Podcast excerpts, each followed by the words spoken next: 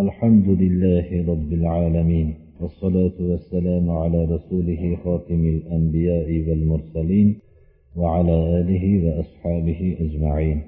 أما بعد السلام عليكم ورحمة الله. بسم الله الرحمن الرحيم.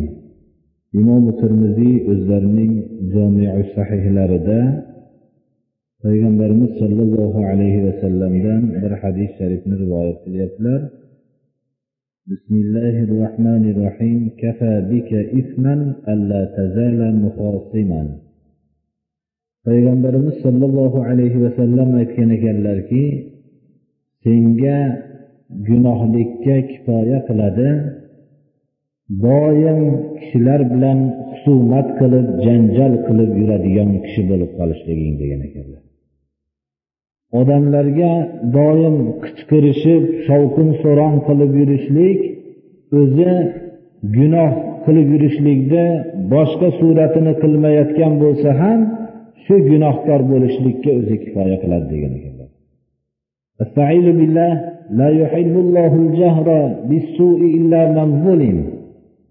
Yomonlik bilan shovqin so'ron qilib qichqirib yurishlikni olloh suymaydi magar mazlum haq mazlum tarafidan bo'lgan qichqiruv bo'lsa mazlum o'zini haqqini talab qilib qichqirsa yo bir mazlumni yonini olib bir kishi qattiq husumat qilib yurishlik bu hozirgi aytilingan hadisdan mustasnodir birodarlar. Husumat faqat bir mazlumni ya haq berilingan va yana mazlumni tarafini olib yurgan kishi uchun ham husumatga haqlidir mana. Ammo doim o'zini haqqi bo'lmagan holatda mazlum bo'lmagan holatda kishilar bilan husumat qilishlik bilan maza qilib yuradigan odamlar ham bor. Agar husumat qilib janjal qilib turmasa hayotini go'yoki bekor o'tayotgandek his qiladigan kishilar bor. Doim qayerda bo'lsa bir janjal chiqarishlikni paydo bo'ladigan kishilar bor.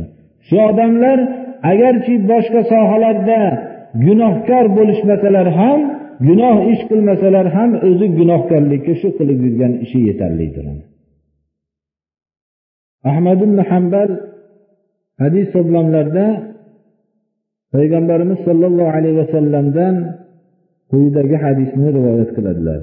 بسم الله الرحمن الرحيم من مات على شيء بعثه الله عليه qaysi bir kishi vafot qilgan bo'lsa biror narsa bilan shug'ullangan holatida alloh taolo uni qiyomat kuni tiriltirganda shu qilayotgan ishi mashg'ul bo'layotgan narsasi nima bo'lsa shu bilan tiriltiradi Mana bu hadis sharifdan hammamiz bilishimiz kerakki o'lim qachon kelishligini hech kim bilmaydi. Qaysi bir narsa bilan shug'ullanib yurgan vaqtida o'lim kelsa qiyomat kuni shu holatda tirilar ekan. Agar bir kishi ta'lim bilan yoyinki taallum bilan yoyinki dinga bir xizmat qilib yurgan holatda jon taslim qilgan bo'lsa alloh subhanahu va taolo uni qiyomat kuni ham ana shunday yaxshi holatda tiriltiradi. Shuning uchun yaxshi ishlarni qilishlikka hamma ham qilmog'i kerak. Xususan yoshi katta bo'lgan kishilar odatda o'limga yaqinroq turishadi. Shunday bo'lgandan keyin bular doim yaxshi ishni ustida bo'lmoqlari kerak. Xususan hozirgi zamonda kishilarga ta'lim berishlik dinni o'rgatishlik yaxshi ishlarni birinchi safida tursa kerak allohu alam. Mana said ibn musayyab qarib qolgan ekanlar. Shunda jihodga ketishayotganlarida said ibn musayyab ham birga chiqqan ekanlar.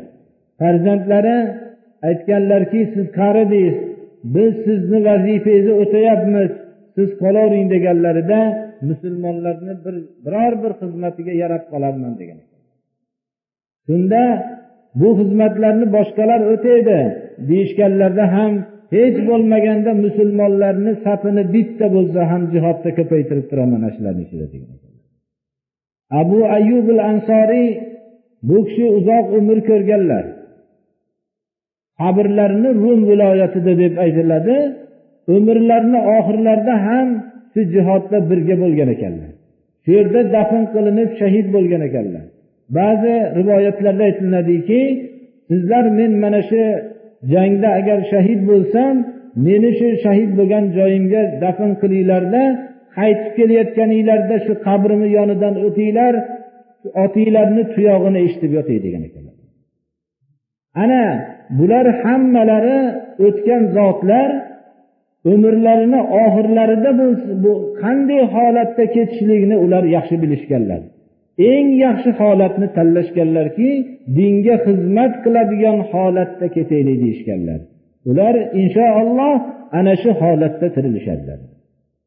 Shuning uchun ham haj mavsumida haj amallarini qilib ehromda jon taslim qilgan kishilarni payg'ambarimiz sollallohu alayhi vasallam bashorat berdilarki qiyomat kuni labbayka aytib turib tiriladi dedilar. Mana bu hadisga muvofiqki shu mazmunlar qaysi bir kishi nima ish bilan mashg'ul bo'lgan holatda ketgan bo'lsa alloh subhanahu va taolo shu holatda uni tiriltiradi olloh saqlasin ma'siyat holatida ketishlikdan. Olloh saqlasin mana qanday bir munkar ishlarni qilayotgan vaqtlarda jon taslim qilib ketganlar ko'p. O'zini shariatga xilof bo'lgan ishlar bilan ish shug'ullanib turgan vaqtida dinga qarshi kurashib turgan vaqtlarda ketganlar mana son sanoqsiz. Olloh saqlasin shariatga xilof bo'lgan ashullalarni aytib turgan vaqtda jon taslim qilib qo'yganlar ko'p mana. Qaysi holatda jon taslim qilsa alloh subhanahu va taolo shu holatda tiriltiradi o'lim yosh qariga bir xil qachon kelishligini hech kim bilmaydi. Shuning uchun umrini qanday o'tkazishlik haqida qiyomat kuni qanday tirilishlikni xohlagan bo'lsa shu shu holatda o'tkazishlikka harakat qilinmoqligi kerak. Yusuf alayhissalom shunday dabdabalik holat. Aka ukalari ota onalari hammalari huzurlariga kelib misrni podshohi bo'lib turganlarida shunda duo qildilarki mana duolarning oxirgi qismi tavaffani musliman va alhaqni bis solihin meni musulmon holatda vafot toptirgin solihlarga qo'shgin dedilar. Eng yaxshi holat islom holatida islomning xizmatida ketishlik bu eng yaxshi holatdir.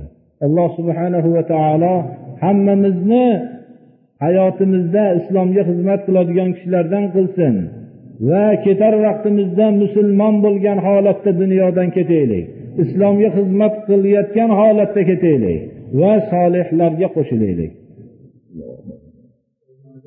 Alloh subhanahu va taolo bizlarni ham islomiy axloqlarga muttasib qilsin.